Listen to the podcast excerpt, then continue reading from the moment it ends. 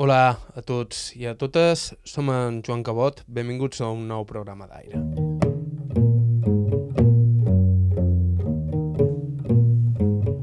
Va d'escriptors, si la setmana passada escoltàvem a Antoni Vidal Ferrando, el protagonista d'aquesta setmana és el també escriptor Miquel Rayó. Nascut a Palma, al barri de Sallonja, ben arran del passeig marítim, Rayó és un dels escriptors més prolífics de les nostres illes, una veu literària singular que ha treballat nínxols com la literatura infantil i juvenil o l'escriptura sobre natura. La natura, de fet, ha estat la seva altra gran passió, va prendre part del naixement del GOP i del grup excursionista de Mallorca i ha estat algú sempre compromès en la conservació, però sobretot en la difusió i coneixement del nostre entorn natural immediat. I això que parlam d'algú nascut ben a prop del mar, en un barri humil que amb els anys es convertiria en una de les primeres víctimes de la turistificació del centre de Palma. Avui coneixerem la vida de Miquel Rayó Ferrer, una persona tiranta discreta, sempre s'ha estimat més ser de casa reclòs, escrivint o passejant per la muntanya, que no pas pels salons i actes on es desplega habitualment la vida literària. Pot ser per això, precisament, li ha retut tant. Estau escoltant d'Aire i Vetres Ràdio, vos parla Joan Cabots. Començam.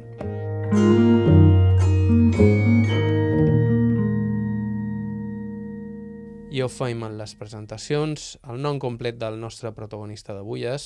Miquel Rayó Ferrer i vaig néixer el 22 de setembre de 1952 a un pis, a un tercer pis d'una un, casa que hi havia en el carrer de Puntadors de Palma molt a prop de Sigleri de Sant Joan, de la llotja, de Sagrera, d'Esport, per tant, no?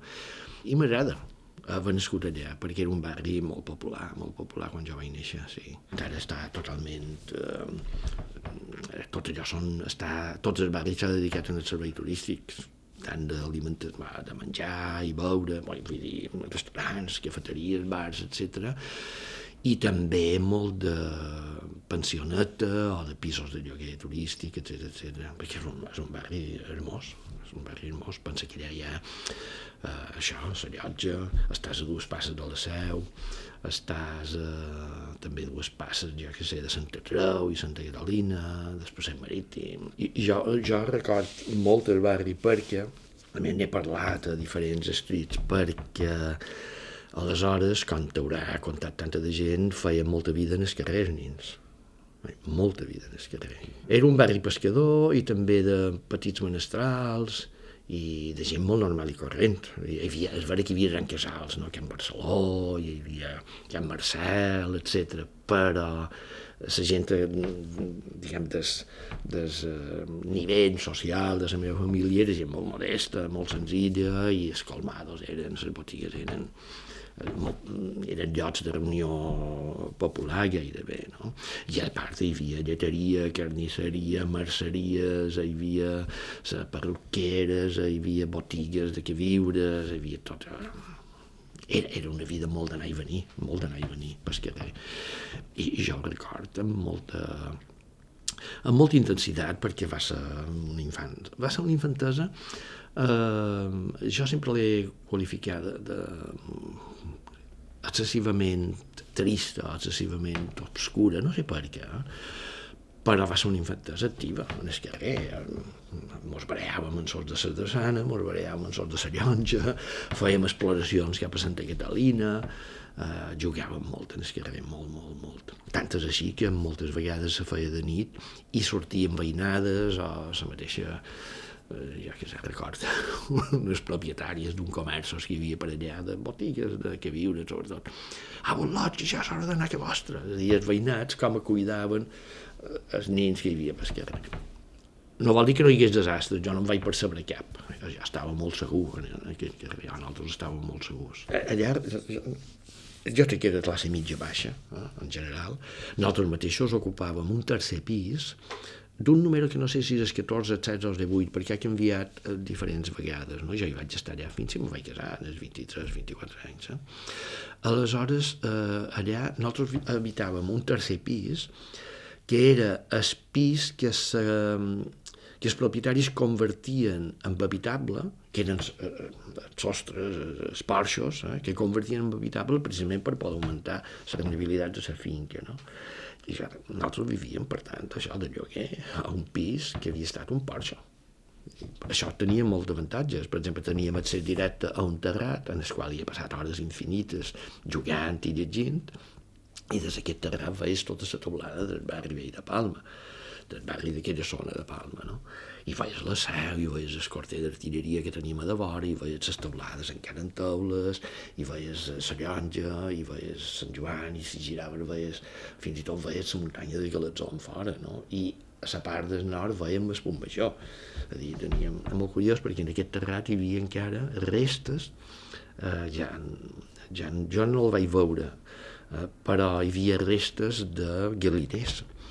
I a cases veïnades que nostra hi havia colomers en coloms, no, d'escampadissa i tal, i també hi havia, just a davant que nostra, hi havia un altre terrat on hi havia a vegades antiots o gallines o pollastres o tal, igual tu senties els animals, és a dir, era, era un barri molt popular, molt popular. Allà hi havia, varen començar, hi havia una pensió, que era pensió Rixi, que jo crec que encara funciona, hi havia l'Hostal Royal, hi havia el túnel, per allà de vora, hi havia, record, la Bodega 23, que era un dels primers bars que s'obriren, i ja més endavant la caverna de Liverpool, que era un homenatge als Beatles, que era un altre allò, eren altres. Però jo recordo la imatge d'un dels eh, treballadors, que aquests sí que la majoria, aquests sí que la majoria eren eh, immigrants eh, de la península la majoria. I en recordo un especialment que se disfressava de torero cada dia perquè rebia els clients vestit de torero a la porta des, a la porta d'un bar que estava just davant del portal de nostra. I, i, i nosaltres vèrem com se va anar transformant en barri de visita turística. Per exemple, quan venien els vaixells americans de la flota americana del Mediterrani, allò s'omplia de mariners, de mariners i de prostitutes, clar. Que per cert n'hi havia alguna ben familiar, eh? vull dir que tu parlaves amb ella amb absoluta normalitat. Eh? I record, per exemple, un dels meus grans amics, encara que és en Jaume Llebrés, que és historiador, etc. Allà tenien una fonda que se deia La Paloma. Eh? Després varen regentar el Montenegre, que era un restaurant eh, molt conegut també de Palma, on hi anava a dinar, per cert, en Tòfol Serra, el gran escritor. No? Bé, a La Paloma jo record que hi havia una de les usuàries habituals que hi anava gairebé cada dia, que era una prostituta. I, i parlaven els nins, i parlaven altres amb una familiaritat tremenda. I venien, venien sobretot quan hi havia els americans aquí. Això t'estic parlant, això ja devia ser als anys 60, hi havia Troia, havia Troia. Però no, no van tenir cap problema mai, ja t'he dit. Eh? També, mem, no te, mes, no, no te mesclaves.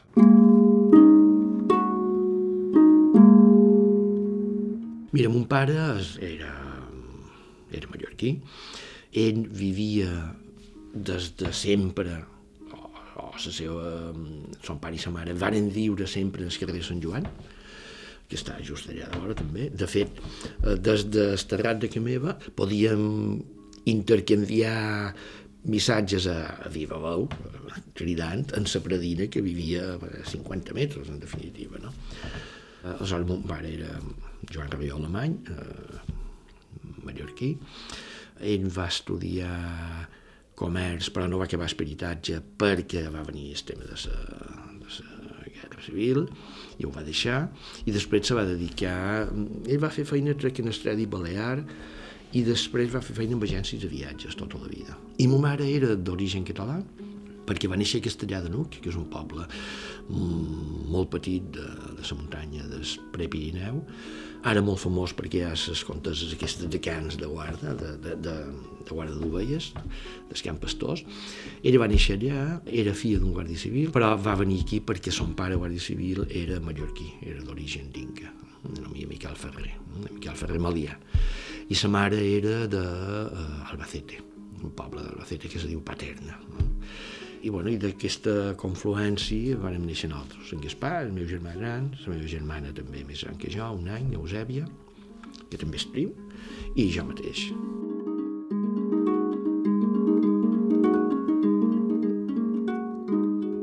Bueno, els nostres pares eren molt normals, jo comparat amb el que he mirat i llegit i escoltat, eren pares que jo crec que mos varen protegir, no mos varen maltractar, segurament amb més limitacions de les que ells o de les que nosaltres hauríem volgut, però això era propi de l'època, no? però nosaltres, els nostres pares, els vam... Jo, que, jo ara parlo per jo i, i, i ho, ho dic en plural perquè m'imagino que els meus germans ho compartirien, tot i que cadascun les seves peculiaritats i circumstàncies. No? Però jo no record mai cap maltractament, mm, record que sempre, per exemple, un detall de la valoració que feia mon pare i que feia mon mare de l'educació i de la lectura, per exemple. És que jo recordo mon pare que quan cobrava el sou cada mes, que li donaven a dins un sobre, eh, en sos dobbers, el comptat i tal igual, jo record que ell el primer que feia era separar el eh, lloguer, per descomptat, i separar els dobbers per l'escola dels fills simptomàtic. I una altra anècdota que he contat molt en relació amb ma mare és que eh, ma mare, quan mon pare li va demanar per casar-se, va dir sí, sí, sí, però que no hi ha d'haver una enciclopèdia. I ells eren molt lectors, a que nostre hi havia una petita biblioteca que quan venien alguns amics meus encara ara me'l diuen, hòstia, home, aquella biblioteca que teniu que vostra eh, era una cosa com a única en el entorn en el que nosaltres vivíem habitualment perquè ells no tenien estudis. Ma mare va anar a escola fins als 10 o 12 anys. El que passa que se va perdre, jo crec que se va perdre un bon cervell ma mare i amb les seves germanes, per descomptat. I mon pare, ja t'he dit, va deixar els estudis eh, per entrar Eh, ell li degué que fa la Guerra Civil els de 7 de 8 anys, per tant no va anar des d'això, però sí que en el final de la guerra jo sé que se van embarcar cap a València en la tropa, no sé on estava, i, eh, però quan De recordar que quan arribaren a València ells ja la guerra havia acabat i aleshores va ser aquella generació que va reenganxar 6 o 7 anys de mili que van estar perdent el temps miserablement, supos. Però bé, ja tinc, mon pare era molt distret, ell anava de, la, de que nostra la feina, de la feina que nostra, llavors diumenge mos duia a lo millor en el frontó, eren les úniques diversions que hi havia, era el frontó, era el canòdrom, a veure carreres de cans, i poca cosa més, perquè no era gran aficionat al futbol, ni era, ni era aficionat a sortir o a passar-se de matí a la cafeteria de cap manera. Vull dir, no, no, no. I ma mare una persona que se dedicava a les feines domèstiques, tot i que ella feia llavors feines extres per intentar augmentar un poc els ingressos de, de la família, no? Però bé, ma mare tot el dia va estar que nostra. També Miquel Rayó era una persona a qui li agradava estar més per casa i que ben prest es va aficionar a la lectura, una afició que compartia gairebé tota la família. Jo he estat sempre una persona, encara ara, un poc, eh, jo diria que poc sociable, tot i que contradictòriament sociable. I jo no me molesta fer un acte públic si ha de ser per fer conferència, o una classe, o una cosa d'aquestes, no? o una lectura d'un manifest, o una manifestació, però això no, no me molesta perquè crec que és un deure cívic i és una responsabilitat que tinc com a ciutadà, no? o, o per pura vanitat, això també podria ser, no? En canvi sí que sóc una persona pot donada a festes, celebracions, reunions socials, a mi me cansen molt. Reunions socials purament per relacions socials. No? I aleshores jo que de petit jo tenia, oh, i segurament ho he mantingut com a característica de la meva personalitat, sempre tenia una mica la sensació d'estar um, fora de tot, o aporguit de tot, ser una persona molt covarda, molt tímida, molt covarda, molt tal. I aleshores jo record que jo obeïa les ordres, jo feia el que havia de fer, i sempre he estat una persona molt sommesa en aquest aspecte. No? I jo crec que això no, no me va permetre... Mm, això ho, ho reflexiones gran, eh? no me va permetre, o no me vaig permetre, gaudir de certes llibertats. No? I, però, bueno, és, és, és lo, és el que he viscut i no, no em faig refús, vull dir, no, no, ja està bé, no? Però, per exemple, jo sobre l'adolescència la record, uf, terrible, a vegades no vols tornar a viure ni loco, i sobretot passar aquella adolescència de... Jo vaig tenir una... Jo vaig anar a escola a les monges de Sant Gaietà, que era la Concepció, per que se deia. Vaig anar a aprendre les bassaroles i, i, però clar, uniformes, les celebracions de, rituals des, del central cristià, els mesos de maig, eh, l'Immaculada, els Reis, totes aquestes coses, no? I després vaig anar als teatrins a partir del que era el preingrés, devien ser uns 8 o 9 anys o 7, no me'n record, i allà ja vaig fer cingrés, batxillerat elemental i batxillerat superior, i no vaig fer escou perquè vaig passar a l'escola de comerç. I eh, jo eh, no me queix de l'educació que vaig rebre perquè va ser una bona educació, eh? perquè a més teníem el suport, ja record que mon pare, eh, en el principi d'anar als teatrins, eh, record que el vespre me demanava la lliçó de l'endemà per si jo l'havia memoritzat, no? O sigui, això vol dir que dedicava temps en els fills, no? al manco o a mi. Eh? I, eh, però no faig rebuig jo de l'educació formal rebuda. No, me va donar un, diguem, un bon bagatge eh? de, de, formal, d'educació, de, de mètode, etc etc. Però sí record nera i oscurament la repressió que hi havia, ideològica i eh, sexual, eh, política, era una cosa tenebrosa, jo recordo en, en tenebrosia. Ja. Però no faig rebuig, jo vaig tenir molt bons professors de matemàtiques, en Quepó, en Queromia Quepó, de literatura, un tal Albertí, de francès, un tal Parelló. Recorda ingrés un professor d'economia, eh, Andreu Pérez, en el qual a una novel·leta meva per infants, a un dels mestres que s'ho li vaig posar de nom Andreu, no? perquè realment era divertit, bon mestre, antic, és metodologia molt antiga, però jo vaig aprendre molt en aquella escola. No? I vaig aprendre molt també llegint TVOs. No? jo crec que la meitat de lo que sé, ho sé de llegir TVOs. O sigui, nostre, mon pare cada setmana mos comprava dos o tres TVOs. Hi havia una passió per la cosa impresa, que nostra. No? Ma, ma mare era, era una loca de la lectura. Això ve del meu predí. Miquel Ferrer, des que era Guàrdia Civil. Aquest home, ma mare el tenia idealitzat. Ma mare eren cinc germans, bé, quatre germanes i un germà, no? Més un que va morir d'infant. Uh, ma mare tenia, i tota la família, tota la família Ferrer, encara ara, que mos mantenim en contacte, els cosins, que ja tots, bueno, jo, jo que sóc el més jove i ja tinc 71 anys, més gran, el millor té 90, no? El meu predí, uh, Miquel Ferrer Melià, aquest home va estar de soldat a Puerto Rico, 1898. I quan va acabar el tema de les colònies, ma mare contava que en el vaixell, quan tornaven cap aquí, a ver, los que quieran quedar en el ejército, en la Guardia Civil, queden un pas al frente. I el meu predí va donar un pas al frente, perquè li devia agradar la vida militar. No? El meu predí havia estudiat en el seminari i ho havia deixat de jove perquè eh, segurament ell deia que li agradaven molt les dones i que, per tant no era la seva vocació però sabeu que algú d'Inca o d'aquella zona de per allà degué fer el que feien abans algunes cases bones que era adoptar un nin, no adoptar-lo per tenir-lo que seva, sinó pagar-li els estudis, o bé de seminari o bé eh, d'una altra cosa, no? I, I jo crec que, perquè eren agricultors, no? Vull dir, eren, però agricultors sense terres. Aleshores, aquest predí se va fer Guàrdia Civil i va arribar a acabar de capità de la Guàrdia Civil. Ara un historiador de Catalunya ha fet la seva història, perquè ell va estar destinat sobretot a Catalunya a la part de Manresa, Bèrgia les de Montserrat, totes aquelles zones del Berguedà, que és una zona de, bueno, de cacics, per descomptat, i després de minaires, llenyaters, d'indústries tèxtils, etc, amb molt de moviment obrer i, i molta força contestatària revolucionària, i molt catalanista.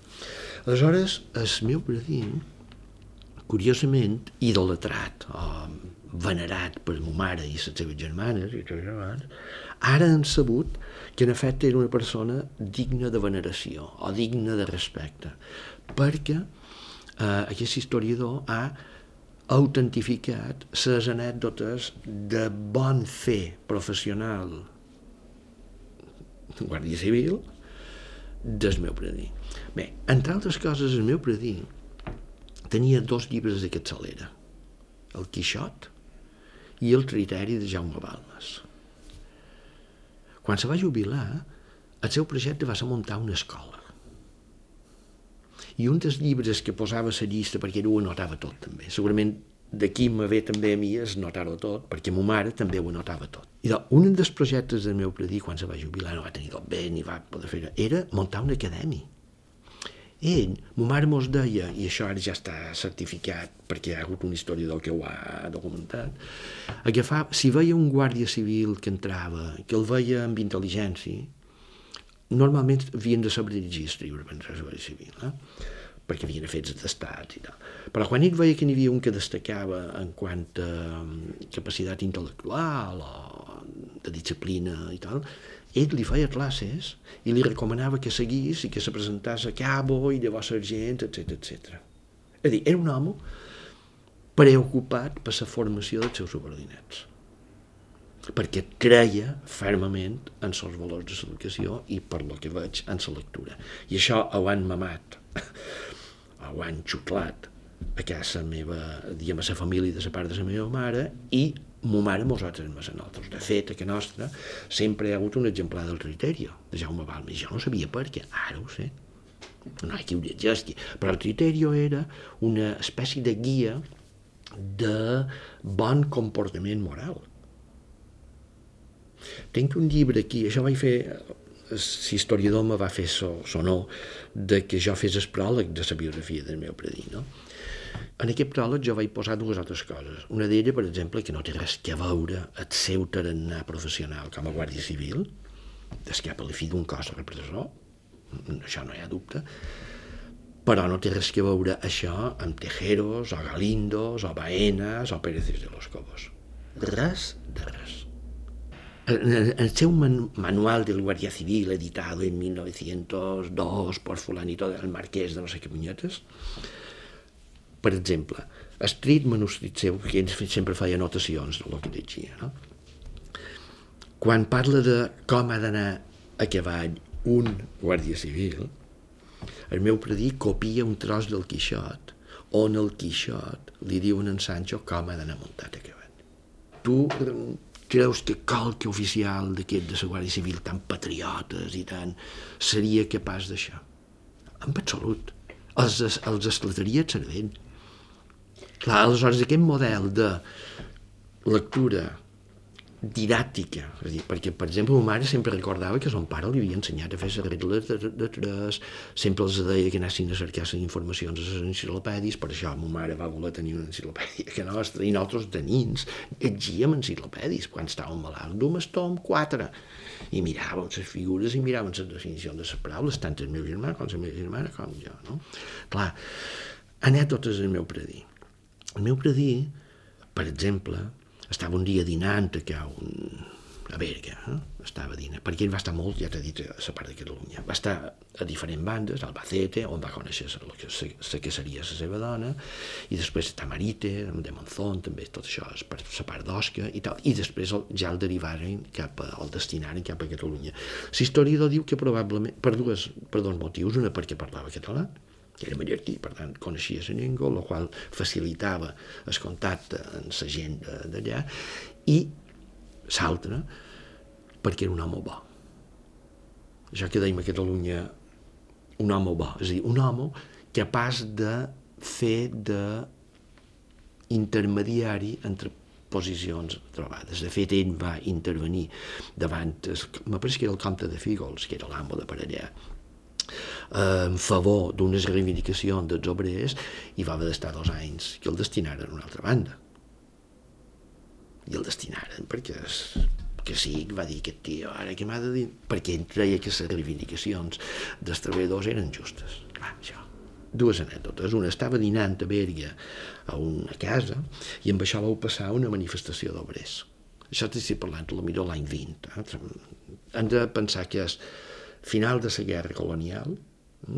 Setmana tràgica, any de nou 2021 i llavors fins l'any 34 que se va jubilar, és dir, un període de història d'Espanya i de Catalunya de pistolers i cassits i revolucions i una cosa forta, i contrabandistes per Pirineu i tal.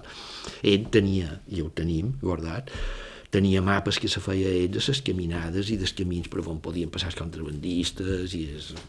Bé. Aleshores està dinant allà i veu passar això. I ell, com a oficial de la Guàrdia Civil, s'aixeca i se'n va. I li diuen, i per què no surts per la porta? Dic, és que si surt per la porta, jo, i la porta donava en el carrer on hi havia la manifestació, puc influir en el desenvolupament de la manifestació i no ho vull fer. Jo me'n vaig per darrere, vaig en el trauré les guàrdies i intentaré contenir el que s'hagi de contenir. I segona anècdota, que n'hi ha centenars. Eh? Clar, jo me pensava que tots això eren historietes de ma mare. No, no, no, no. Era un home bo. Un home bo, un home culte, un home amb ganes d'ensenyar la gent, amb ganes de, de que la gent eh, visqués millor, etc etc. no? Hi ha una concentració d'obrers davant una fàbrica i per lo vist hi havia un suboficial que era molt violent molt violent. I se posa el eh, suboficial a de vora, a darrere. I va amb els seus guàrdies a intentar contenir aquella, o dissoldre aquella manifestació, que era la seva feina, en definitiva, perquè era un cor repressor. Se'n va allà i un dels obrers tira una pedra. I aquesta pedra feren el capità Ferrer, en el meu predí. Què hagués passat avui en dia? Carguen i a fer punyetes. I terroristes. Què va fer el meu predí? Tot d'una un obrer, el que havia tirat la pedra, se'n va donar compte de que l'havia ferit a ell. I diu, capità, perdoni, no era vostre que li volia tirar la pedra, era en fulano, aquest sergent o aquest suboficial, tal igual. I el meu predí, en lloc de carguen i de vine aquí, t'arrestarem i tal igual, aneu-vos-ne tots a que vostre. I la manifestació se dissol. Clar, ell utilitzava una actitud de força, sense cap dubte, però tu creus que aquesta ordre, escolta, aneu que vostre, deixeu de, de, de... Si no fos una persona molt respectada per l'adversari, diguem, en aquell moment, li haguessin fet cas, no? En absolut. És a dir, el meu predí no era capaç d'abusar del poder va arribar a un poble, això també ho contava ma mare, va arribar a un poble i l'amo del bar, on se feien juguesques de cartes i de loteries trucades i coses d'aquestes, li envia una gran panera de no sé què, de vins o de pernils o això. El meu predí agafa el fill major i li diu, torna això en en fulano, que nosaltres aquí no hem vengut en això. M'entens? És una personalitat que ens ha influït molt i ara ho hem entès.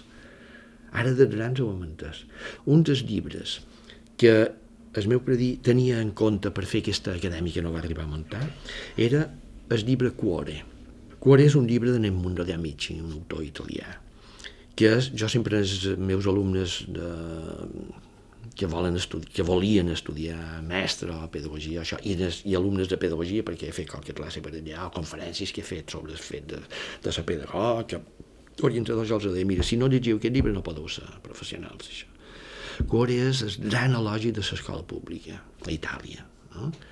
És un llibre passat de moda, antiguíssim, però tu creus que cap guàrdia civil oficial, cap de Cortés, és capaç avui en dia de llegir Cuore? És que els esclates cap. És dir, Nuc era un personatge singular.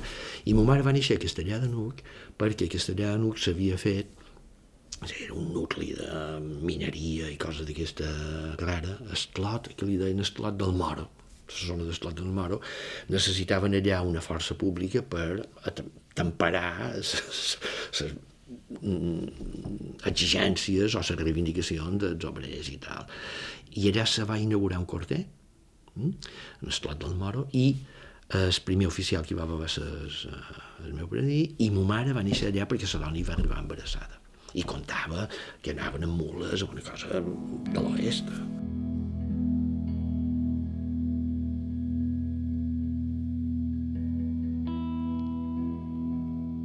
Ell era conservador, conservador carlista, això és evident.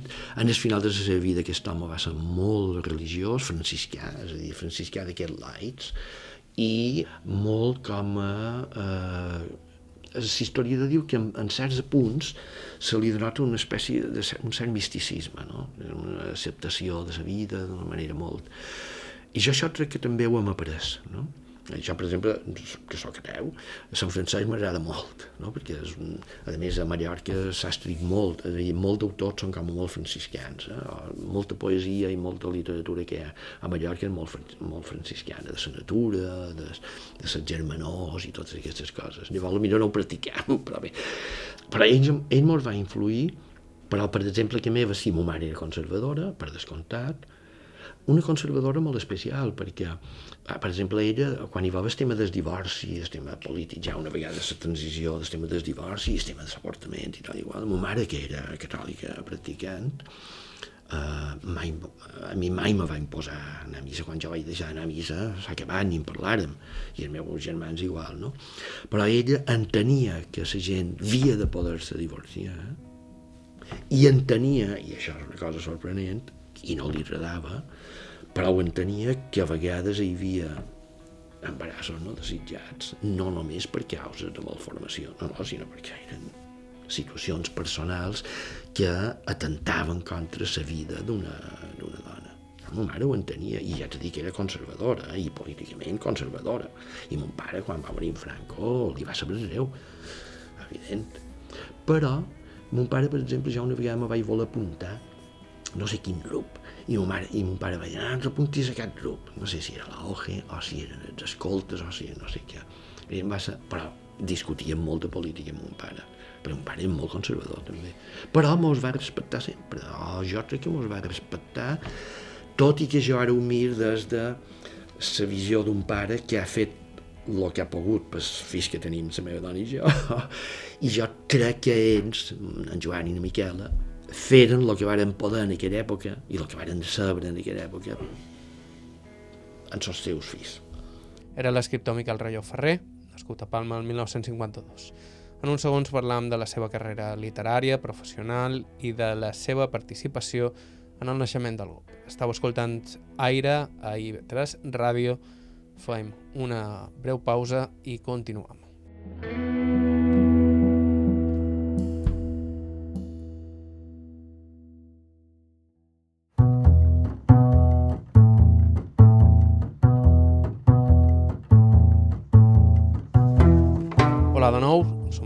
Cabot, estàu escoltant Aire i el protagonista del programa d'avui és l'escriptor Miquel Rayó, algú que a més de la seva carrera literària i professional, com a professor i orientador, també ha estat present a la creació d'entitats com el GOP o el Grup Excursionista de Mallorca.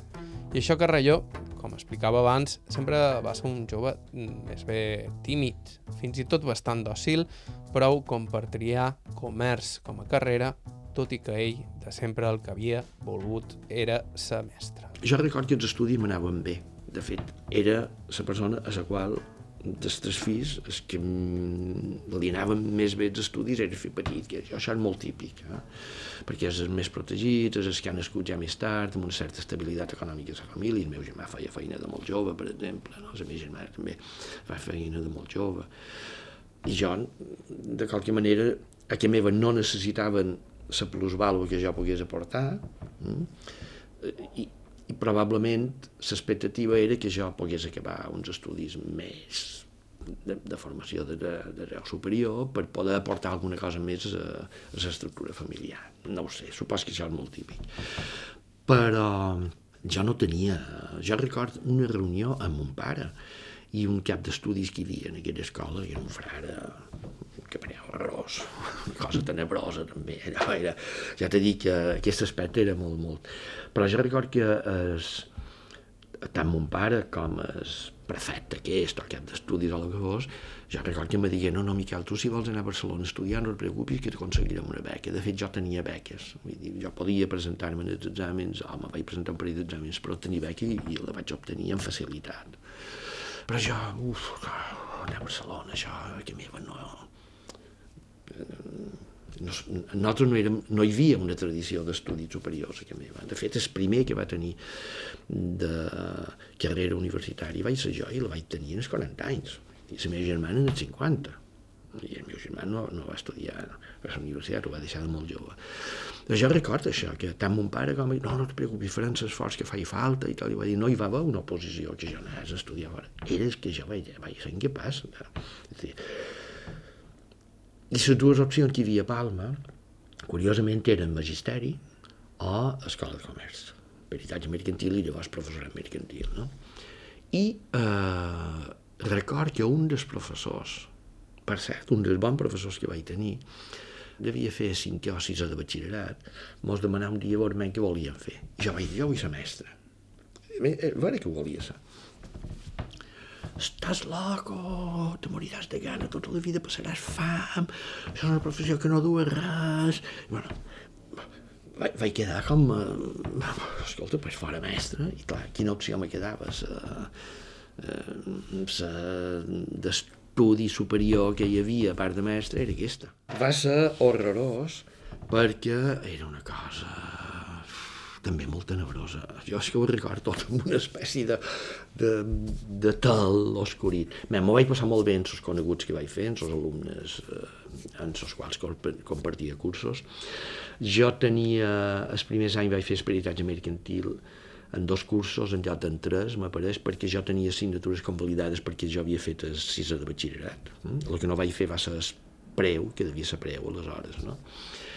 I vaig acabar esperitatge, bé, mm, el professorat era per inèrcia, ja que estaves allà feies el professorat mercantil, que era la part superior, una espècie de... un entremig entre grau de formació professional, de, bueno, entre formació professional de segon grau o de grau superior i eh, una diplomatura, eh? Mm, i ho vaig acabar, però els, els professorats el vaig acabar perquè els professors m'ajudaren a acabar-lo. Eh? Me van empènyer, per exemple, en Alejandro Salo, que jo recordo en verdadera veneració perquè me'n vaig dur molt ben bé, era un molt bon professor de matemàtiques, a mi m'agradaven i tal. Però jo, tot això de comptabilitat i dret mercantil, quina cosa més horrorosa. Però això em va servir per poder fer les primeres feines. Curiosament. Vaig fer feina, eh, vaig fer feina, mm, jo crec que una vegada estàvem asseguts festejant, en, que se deia Miami, me pareix un parc que hi havia per les avingudes a la plaça d'Espanya i passa un Seat 600 i passa en Gabriel Gené, l'escriptor. S'atura el Seat 600 i te podies aturar allà, perquè no hi havia tant de tràfic. Miquel, necessito un professor d'anglès per l'escola de Sant Ferriol. Jo anglès havia estudiat tres anys, no en tenia ni idea, però vaig estudiar tres anys i no tenia idea perquè no el practicava. I ara puc anar per carrer i demanar una adreça, però jo no, no puc llegir un article d'una cosa que jo, més o menys sí que un tema que ja conegui, però no, no tinc fluidesa. Sí, sí, sí, demà mateix vinc.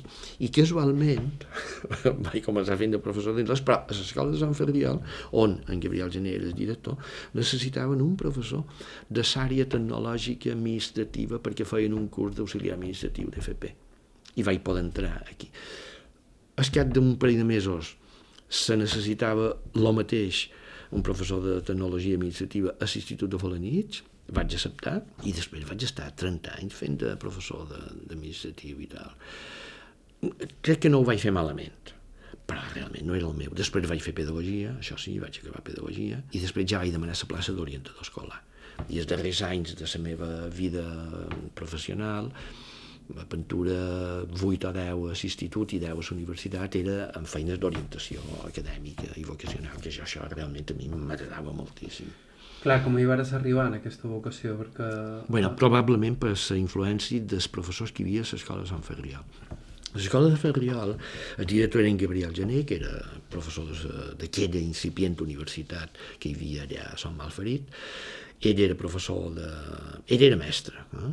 però ell sempre tota la vida va estudiar, va estudiar llicenciatura, després oposicions, etc etc. Però allà també hi havia, per exemple, Antoni Colom, un altre professor de la universitat, i a través de la coneixença d'aquests dos professors jo vaig entendre i vaig comprendre que hi havia la carrera de la llicenciatura en Ciències de l'Educació, que era boira pedagogia, una branca de la filosofia i lletres, que a mi era realment una, una eh, com ho diríem, va ser una descoberta.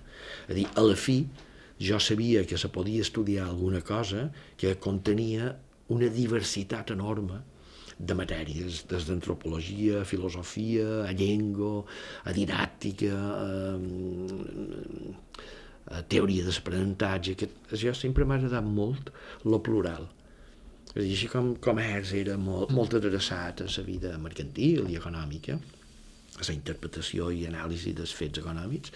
L'altre era més humà, més humanista, i jo, eh, naturalment, jo tenia vocació per això, ho vaig descobrir. I en paral·lel va anar descobrint una vocació literària que l'havia acompanyat, de fet, des de molt jove i que va coincidir també amb un moment en què compromís polític amb la natura i amb la cultura varen creuar-se en entitats com el GOP o el GEM, del naixement de les quals ell en va prendre part. Això hi havia el que diuen sincronicitats, no? és a dir, moments o fluxos d'informació. Mira, en aquell moment hi havia, que jo crec que ha estat el gran catalitzador del moviment conservacionista inicial a Espanya, hi havia els primers programes d'en Rodríguez de la Fuente. La personalitat i la capacitat comunicativa i pedagògica i divulgativa d'en Félix Rodríguez de la Fuente amb una televisió en blanc i negre que feia 10 minuts d'un espai en el principi llavors ja va fer documentals i tot això per a nosaltres de petits, en els 14, 15, 16 anys eh, quan i nosaltres dir tots els companys amb els quals fèrem aquestes coses. Joan Mael, Toni Alcobé, Lluc Mas, Jesús Jurado, en Jesús era un dels més grans, però la majoria de nosaltres érem adolescents, i uns més grans i uns més joves, però érem adolescents, no? Però nosaltres vàrem rebre aquest missatge d'en Félix Rodríguez la Fuente. Això va, per això va ser fonamental, no? Aleshores, jo vaig tenir la sort de coincidir amb una sèrie de persones, perquè res d'això no ho fa una sola persona. Eh? I entre aquesta sèrie de persones hi havia algun amb més lideratge, Joan Mel, per exemple, que era capaç de transformar aquestes corolles nostres en una, una, alguna cosa més, més sòlida. No? Però era el moment. La majoria de grups importants de conservació de la natura d'Espanya se van crear als anys 70, 73, 72, 74, de Pana, ADN d'Extremadura, Gopa Mallorca, etc. I amb això sí que se pot dir que som, van participar d'aquest front de pioners. A l'escola, del que anava comunicant en Félix Rodríguez Fuente. Pensa que jo sóc urbà. I que meva, sí, mon pare havia anat d'excursions quan era jove, en sos, eh, m'apareix que eren escoltes que hi havia en el teatín, m'apareix això, però una cosa molt... anar d'excursió. Vull dir, no, no. En canvi, jo no vaig anar d'excursió fins que vaig conèixer aquests amics i aleshores anàvem d'excursió, però també amb un interès de veure voltors, mirar d'identificar les espècies de plantes o d'ocells que en aquell moment nosaltres no coneixíem, jo desconeixia tot de la naturalesa de Mallorca, només coneixia una cosa i era les volzies perquè jo de nin me record, i això ho he contat a diverses, de diferents maneres, eh, perquè crec que és una de les influències que tinc, o de les memòries més profundes que tinc. Jo me record de nin mirant, clar, es, des de que no sé com t'he dit, veiem teulades, teulades, però, eh? no terrats plans, hi havia terrat pla, però sobretot hi havia teulades, i davant les teulades criaven les baldies. I jo els veia venir per primavera i anar-se'n a meitat d'estiu, quan ja havien triat, i jo vaig entrar i sortir les valsies de davant les teulades i veure pels carrers de Palma aquells bars que s'encalçaven amb una cridadissa. Això jo ho recordo. Jo hi he passat hores infinites mirant les valsies. És dir, jo segur que tenia una atracció per això, per contemplar la natura i per contemplar... Però ja t'he dit urbà totalment. I va coincidir amb aquests al·lots que jo vaig escriure una carta, perquè l'any 70, després de que hagués sortit un article el dia anterior d'en Joan Mayol, que anaven a cercar voltors, aquesta carta se va publicar en el diari Balear, me per imaginar, el Baleares. I estan parlant de l'any 70, fa molt de temps. I va contestar en Jesús Jurado, va contestar en Toni Alcobé, que se va posar en contacte amb en Joan, en Joan se va posar en contacte amb en Jesús, en Jesús en jo, i, i fent una espècie com de petita xarxa que començàrem a sortir junts en el camp a veure coses i a descobrir, a descobrir la serra, a descobrir el celebrar de campus, jo no tenia ni idea de que existís. Salbufera per Salbufera, anaves allà d'amagat i veies, veies a 3.000 quilòmetres de distància, no tenien ni prismàtics, veies un ànere que fugia i te pensaves haver vist un, un, una espècie singularíssima, era un vull dir, era una cosa vulgar, però era una descoberta, cada cosa d'aquestes. Curiosament, mira quines coses, Sabeu que nosaltres teníem algunes inquietuds, com tu has dit, de l'època, no? associatives o de reivindicació, naixent, exploratòria. Nosaltres érem molt joves, no pertanyíem a cap moviment polític clandestí que jo sàpiga, i si pertanyien alguns no mos ho deien, perquè era clandestí, no? Però tothom tenia, sa, supot, la seva derivació ideològica, però sí que teníem aquestes ganes com de descobrir natura i de difondre-la i, i aprendre, eh? aprendre de... Mos afiliàrem a Societat d'Història Natural i a la Societat d'Història Natural, com que nosaltres érem massa joves i massa poc ortodoxos, vàrem fer una espècie de subdivisió que va acabar creant el grup. Però entre els creadors, de, fundadors del GEM, del grup excursionista de Mallorca de l'any 73, també l'any 73, fixa't, el primer president va ser en Jesús Jurado, que era el número 3 del grup.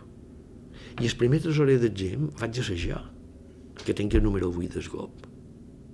És a dir, la meva dona, John, el muntanyà que és aficionada a caminar i molt excursionista, de fet mos coneguérem a la muntanya anant d'excursió, ets la número 1 de la Federació Balear de Muntanyisme, de dones. La primera dona de la Federació Balear de Muntanyisme que se va fundar també els 70, 71, 72 és l'Assumpció González Ozonas, que és ella.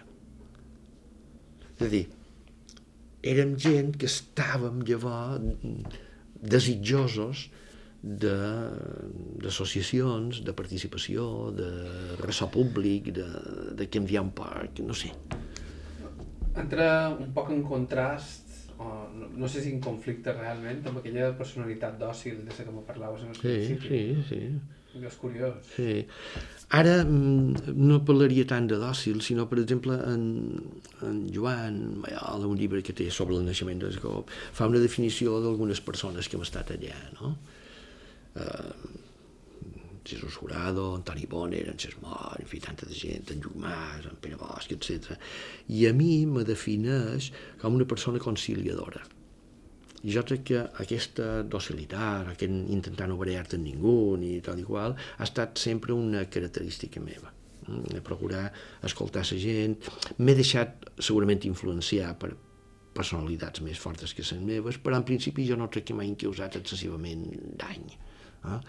I a lo millor una actitud així més mm, contemporitzadora o negociadora m'ha permès a lo millor mm, a tirar endavant, en definitiva. No? En quin moment l'escriptura es va convertir en una part important Bé, teva... eh, de molt jove, en es, jo crec que en els 14-15 anys jo vaig començar a escriure un diari que nostre. Ja t'he dit que ma mare eh, escrivia molt, per tot, els quaderns, agendes, un full de calendari girats, apuntava coses, no? anècdotes de la família i des, des mercat i del que feia i dels contes que duia ella perquè feia jerseys i feia grandes i feia coses per, per guanyar un sobresalt, no? Eh, aleshores, i, I això venia del meu predí, que com t'he dit, anotava tot el que llegia, prenia nota i també tenia quaderns on hi havia anotacions seves personals, una espècie de dietari personal, dels quals n'hem perdut molts, per desgràcia, i ara m'ho n'apenadim. Bé, m'ho hagués permès conèixer millors personatges. Bé, aleshores jo crec que això me ve de, no sé si genèticament, de una part del meu cervell que neurològicament està connectat amb això, no? O si és per hàbit d'haver vist a mon pare i mon mare en llibres i sobretot a mon mare escrivint les seves notes i mon pare quan va morir li varen descobrir, ell era molt lector de ciència-ficció. Quan va morir mon pare dins unes carpetes que hi havia un armari que tenia ell varen descobrir que hi havia novel·les de ciència-ficció començades i no acabades. A dir, aquí m'he hi ha hagut una vocació llibresca? És, és evident. I jo ja t'he dit que en els 14-15 anys vaig començar a escriure un dietari en castellà horrorós, imagina't el que pot contar un adolescent simplíssim com era jo, no? I eh, després vaig passar, no sé per quina raó, vaig passar a escriure-lo en català, en català de format, no acadèmic, perquè jo no, no havia rebut classe i tal, però perquè a meva hi havia algun llibre en català, hi havia les rondalles mallorquines, per exemple, no? I no sé per què vaig fer la provatura i vaig continuar. I llavors tota la vida ja he utilitzat com a eh, eina de, de la meva literatura llengua catalana, perquè ella sé que parlàvem que nostra, senzillament, entre altres coses, no? Però quan t'he contat que en Gabriel Gené s'havia aturat i tal, per què s'havia aturat en Gabriel Gené? Perquè un mesos abans jo havia participat a un concurs de relats curts de Castellig, de la Mare de Déu la Pau de Castellig, que per cert aquí hi ha aquesta roseta que veus, te donaven una rosa, i aquesta roseta és d'aquest premi. I havia conegut a un autor del qual jo havia llegit, Ventura feia dos anys, jo sé que se degué editar el 68 o 69, havia llegit una novel·la que se diu L'Abisme, que era la primera novel·la d'en Gabriel Gené, i me va deixar enlluernat probablement ara la llegiria i no la trobaria tan interessant com altres coses seves. No? Però jo ja, des de la lectura de l'abisme d'en Gabriel Gené, jo ja vaig comprar llibres de Toni Serra, d'en Josep Maria Llompart, és a dir, jo ja vaig voler eh, llegir els que eren ja autors de la generació dels 70, que és un poc anterior a la meva. Mm?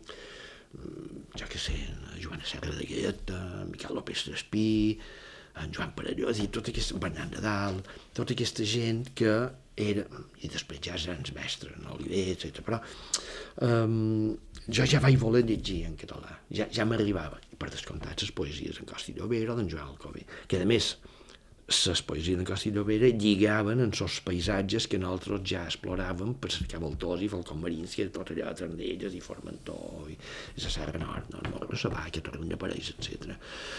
Aleshores, va ser per això que vaig decidir utilitzar la llengua catalana i ja sabeu que jo tenia algun tipus de vocació interna cap a l'escriptura, perquè jo record que de petit jo vaig llegir molta novel·la d'aventura com era normal en aquella època, Jules Verne, Salgari, Saint Grey, Fenir Mort Cooper, el darrer del Moquians, etc. No?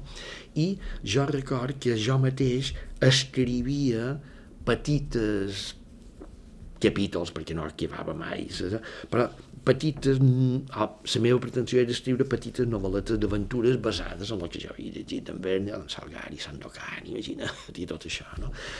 Eh, que jo tenia aquesta, aquesta vocació i, i he tingut la sort de poder-la desenvolupar en el grau que he pogut. Vull dir, no, no.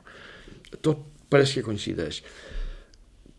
Com t'he dit abans, jo em mirava molt, i encara ara, la feina literària d'en Gabriel Gené Manila, trobo que és molt bona, té alguna cosa extraordinària, eh? passarà la història de la literatura, en la meva opinió. Eh?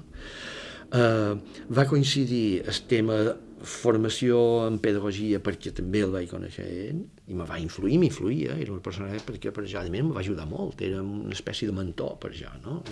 Així com he tingut aquest Andrés Pérez que te vaig dir, aquest professor, aquest professor que a mi m'ajuda.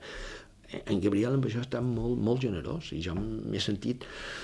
Hi va un moment, l'any 70, 70, devia ser el 75 o 76, ara no recordo exactament la data, en què ell va publicar El rei Gaspar que és un llibre que va realment capgirar la literatura en català per infants i joves. Eh? I jo vaig dir, ostres, en aquell moment jo estava provant de fer novel·les i contes de caràcter molt tremendista o existencialista, un fracàs total. Tenc els originals encara, que podien tremar tots, però els guard perquè un guarda, intenta guardar el que és el seu itinerari. No?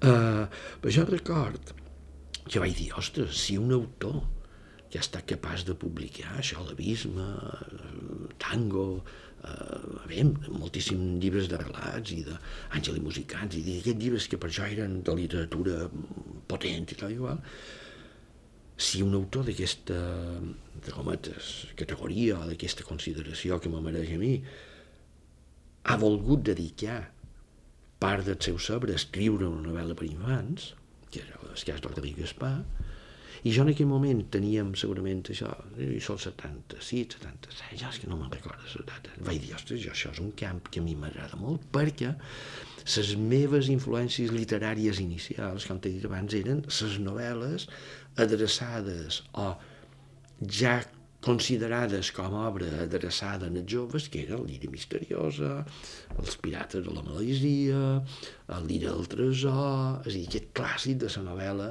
infantil i juvenil d'altres temps. Dic, ostres, Miquel, això és el camp que jo me sentiria més còmode i més feliç. És a dir, contar contes i contar històries d'aventures, de viatges i de personatges fantàstics i d'acció i tal igual, perquè això és el que m'ha agradat llegir. I curiosament, en Gabriel Gené, amb el Ric Gaspar, va obrir un espai d'autors amb obra consolidada, o en procés de consolidació, però també adreçada en els al·lots. Clar, i després ve anys 77, 78, mort, bueno, mort Franco abans, autonomia, llengua, necessitat de documentació i de eh, textos escrits pels infants i tal, i jo me vaig trobar còmode aquí. Vaig tenir la sort de guanyar el Cifa de Colònia a la segona convocatòria, perquè la primera va quedar deserta. Vaig tenir la sort de, de, de que m'ho publicassin a la Galera a Barcelona, de que m'ho publicassin un llibre a l'Abadia de Montserrat, i jo vaig anar fent feina, vaig tenir la sort infinita d'anar presentant originals a concursos i a premis literaris que, la veritat, me van anar molt bé, algun d'ells en competència, amb molts d'originals en llengua castellana, jo presentava aquest, no, com els de Edelvives o els DDB, que per jo van ser com a dues com esperonades de, de, de, de no d'èxit comercial, això és evident, però sí de, escolta, el que estàs fent està regularment bé, per tant, endavant, no? I m'hi vaig dedicar amb molta passió i molt de gust, eh? molt. Um... Perquè podia contar els temes que a mi m'agradaven. Podia agafar les rondalles i reescriure-les, podia contar una història d'aventures, o podia contar de viatges a països fantasiosos o coses d'aquestes, que a mi m'ha agradat sempre, no? I, I després hi ha aquella altra literatura molt vinculada a la naturalesa. Sí, camp que podríem considerar menor, però... Sí, és un camp menor, però d'importància. Amb això també hem estat pioners, alguns, en Joan, en Joan Mayol, per exemple, i Toni Alcobé i altres, alguns altres, que és de intentar escriure textos, això que diuen avui en dia la nature writing, és dir, si escriu sobre la naturalesa, Uh, bueno, nosaltres vam ser un poc pioners amb això també, no? amb aquest manual d'introducció a la naturalesa, que eren més de caràcter acadèmic, o amb aquests llibres que jo he fet per acompanyar fotografies de companys meus, fotografies naturalistes sobretot, no? que després he fet coses sobre el cançoner popular i els ocells, i... però realment era intentar descriure el millor que he sabut els entorns, els espais naturals, on eh, es desenvolupaven aquestes coses meravelloses que per jo són eh, des de la floració d'una planta fins a la nidificació d'un ocell o la captura d'un insecte per part d'un falcó marí, aquestes coses que, que, que tenc tan ficades de dins perquè he estat molt per la muntanya o per celebrar o per l'albufera mirant-ho. No? Jo soc molt mirador. De fet, ara, darrerament, una de les aficions que estic provant és pintar. Jo sóc una persona curiosa i, i trob que necessit sempre fonts d'informació per poder després transmetre-ho. Sempre m'he cregut, vanitosament, que sóc una baula d'una cadena, que sóc l'esgraó d'una escala. I jo crec en aquesta cadena, i crec en aquesta escala, i crec que el que jo he pogut rebre dels altres, d'entors, de professors, d'escoles, de mon pare, mon tal, la meva obligació com a ciutadà és traspassar-ho, si pot ser millorat, i si no, mira, escolta, el manco ses passions. Jo amb això he estat apassionat, sí.